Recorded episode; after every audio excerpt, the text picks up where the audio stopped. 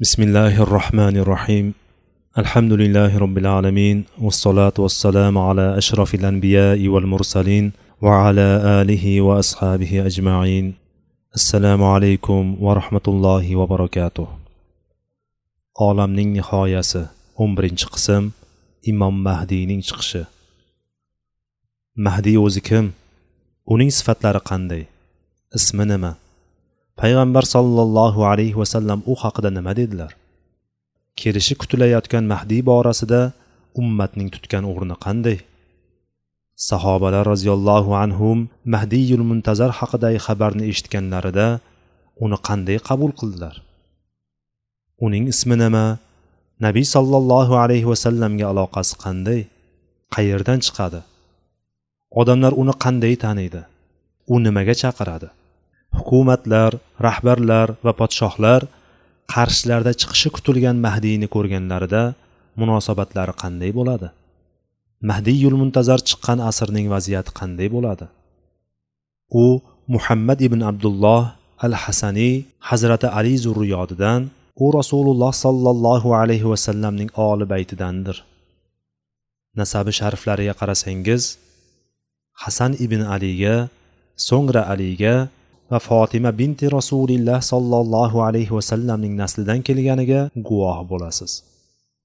U rasululloh alayhissalotu vassalomning sulolasidandir. Payg'ambar alayhissalotu vassalom dedilar agar dunyodan faqat bir kungina qolgan bo'lsa alloh o'sha kunni uzun qilib hatto mendan bo'lgan.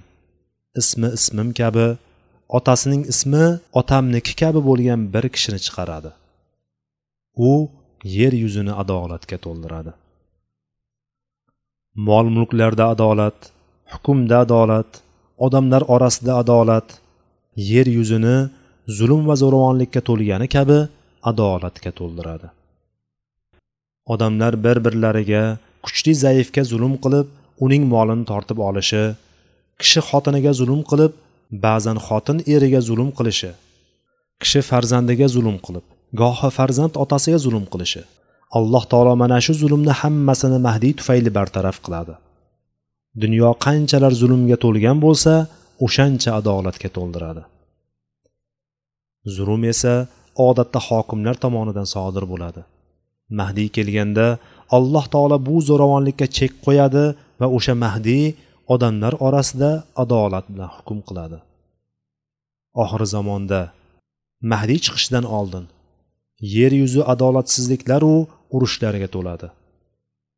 Qotil nima uchun o'ldirganini maqtul esa nimaga o'ldirilganini bilmaydi.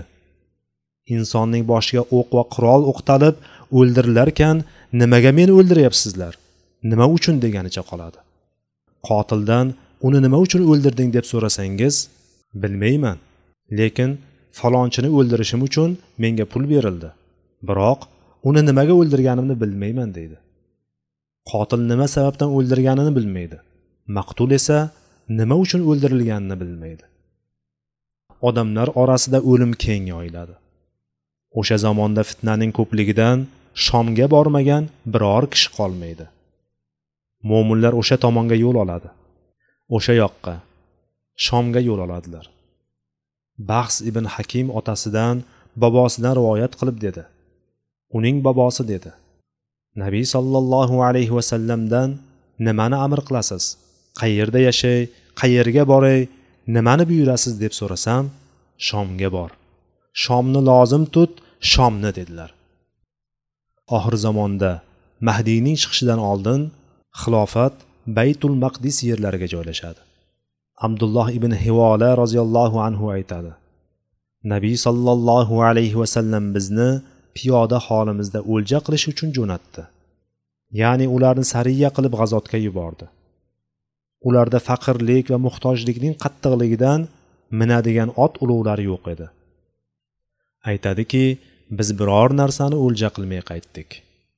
Shunda payg'ambar sollallohu alayhi vasallam robbisiga duo qilib dedi. Allohim meni ularga ularni menga topshirib qo'ymaginki ularga kuchim yetmaydi.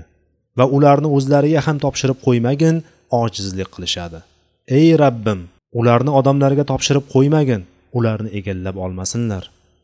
So'ngra nabiy sollallohu alayhi vasallam qo'llarini abdulloh ibn hivolaning boshiga qo'yib unga qaray boshladilar. Abdulloh g'azotga piyoda borib kelib horib tolib qaytgan edi.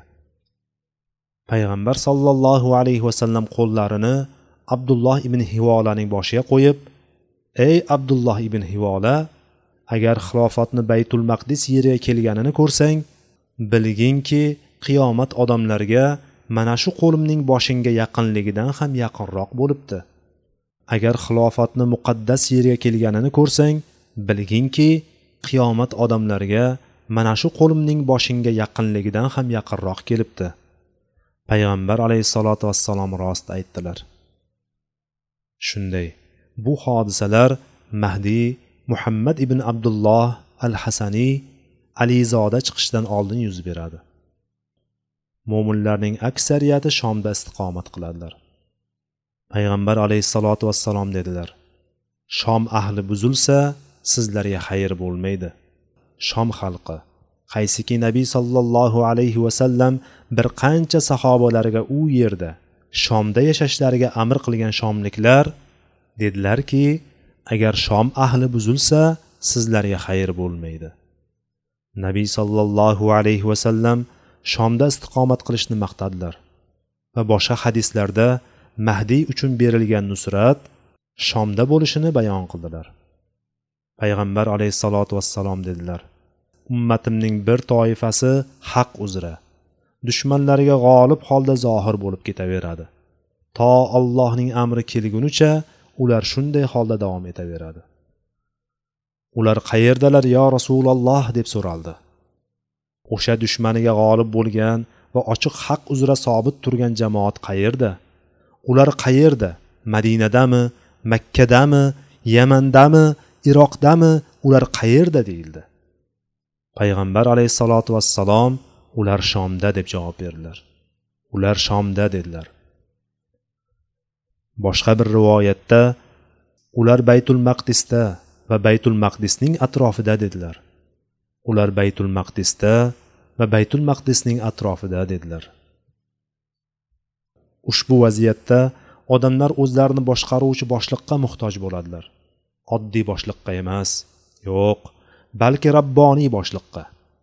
Uning diniga ishonadigan adolatiga xotirjam omonatdorligiga ishonadigan molni o'ziniki qilib olmasligiga ishonadigan izzat talab taxtparast emas yo'q balki u robboniy boshliqdirki kasalning kasali sabab og'riydi qiynalganga qayg'uradi musibatlangan bilan birga alam tortadi.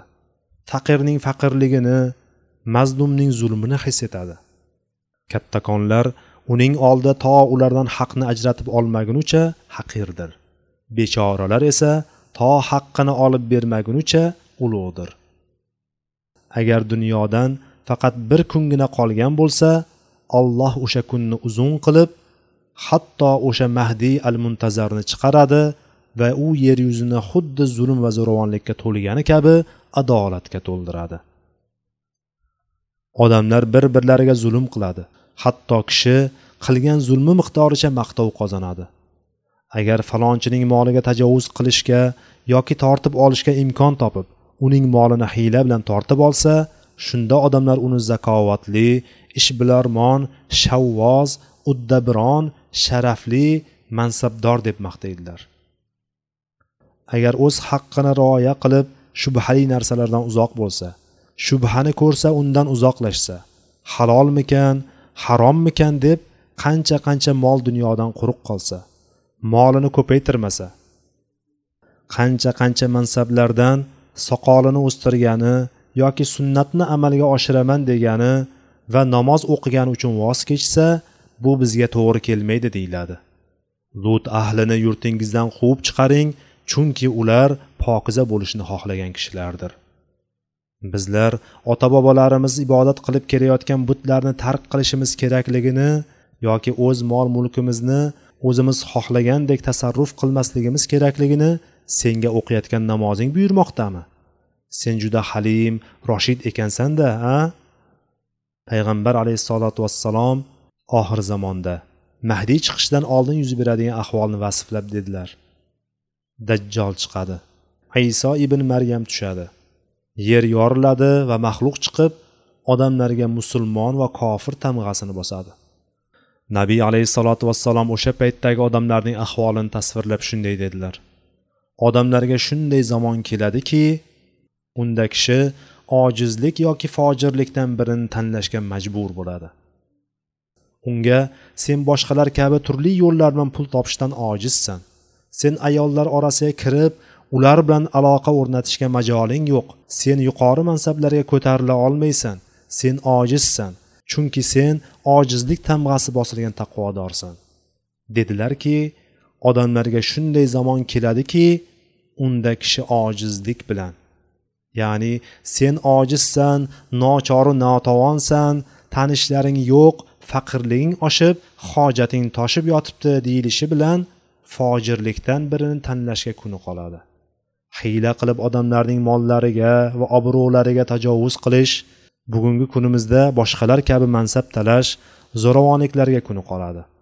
Ushbu vaziyatlarda vallohi butun dunyo musulmon solih bir kishini undagi fitnadan zulmdan qutqaruvchi kishini kutadi. Agar amir va uning kotibi zulm qilib yerning qozisi hukmda haddidan oshsa balo. So'ngra balo. So'ngra yerdagi qoziga osmon qozisidan balo yog'adi. Bular buyuk hodisalar bo'lib ularni kutamiz. G'ayb ularni bizdan to'sib turibdi. Men bularni sizlarga ko'r ko'rona keltirmadim. Yo'q balki ular sayyidimiz rasululloh sollallohu alayhi vasallam bizga xabar bergan nususdir. Va u o'z havoyi xohishi bilan so'zlamas u faqat osmondan tushgan bir vahiydir. Unga shiddatli quvvat egasi o'rgatdi. Alloh taolo g'aybni hech kimga bildirmaydi. Faqat ba'zi nabiylariga payg'ambarliklariga dalil qilib va qavmlariga mo'jiza qilib g'aybni bildiradi. U g'aybni bilguvchidir va hech kimni o'z g'aybidan xabardor qilmaydi. Subhanaka subhanak. O'zi rozi bo'lgan payg'ambarlarnigina xabardor qiladi. Albatta alloh uning oldidan ham ortidan ham kuzatib yuruvchi qilib qo'yadi. Payg'ambarlar o'z robbilari risolalarini yetkazganliklarini bilish uchun va alloh bandalar huzuridagi barcha narsani ihota qilib olganini va hamma narsaning adadi hisobini qilganligini bilish uchun. Alloh taolo rasuli alayhissalotu vassalomga ba'zi g'ayb ishlarni mahdiy bilan yuz beradigan narsalarni undan oldin va undan keyin qanday hodisalar sodir bo'lishini bildirdi. Nabiy sollallohu alayhi vasallam ular haqida bizga xabar berdilarki odamlar orasida qirg'inbarot zulm va zo'ravonlik ko'paya boshlaydi. Xalifalik boshlanib u yerga shomga keladi va madina tark qilinadi. Payg'ambar alayhissalotu vassalom dedilar hali madina tark qilinadi. Ya'ni madinatu nabaviya yasrib toyba tark qilinadi. Dedilarki hali madina eng yaxshi holatida tashlab ketiladi. Ya'ni uning me'morligi nihoyasiga yetgan unda suvlar serob aholisi go'zal hayot kechirar masjidlari obod barqarorlik bo'lishiga qaramay hali madina juda obod bo'lishiga qaramay tashlab ketiladi. Hatto itlar va bo'rilar kelib masjidning ustunlaridan biriga yoki minbariga bo'shanadi. Ya'ni hatto bo'rilar va itlar masjidga kirib unda aylanib yuradi. Ularni bundan qaytaruvchi birontasi bo'lmaydi. Odamlarning hammasi chiqib yo shomga yoki makkaga yoda boshqa joyga ketadilar. Yo rasululloh yo rasululloh o'sha bo'ri va it masjidga bavul qiladiyu nahot uni biror kimsa qaytarmaydi? Ba'zida ustunga yoki minbarga bavul qiladimi? Qanday dahshat? Odamlar qayerda deb so'raldilar? Yo rasululloh o'shanda meva chevalar nima bo'ladi? Hosillar kimga qoladi? Bu ekinzorlar bu hayot bu uylar bu quyuq soyalar kim uchun bo'ladi yo rasululloh deyildi. Shunda payg'ambar alayhissalotu vassalom dedilar keling indilar va yirtqichlar uchun. Keluvchilar qushlar va yirtqichlar uchun bo'ladi. Qush madina uzumlariyu mevalaridan xohlaganini yeydi. Uni bundan biror kimsa qaytarmaydi.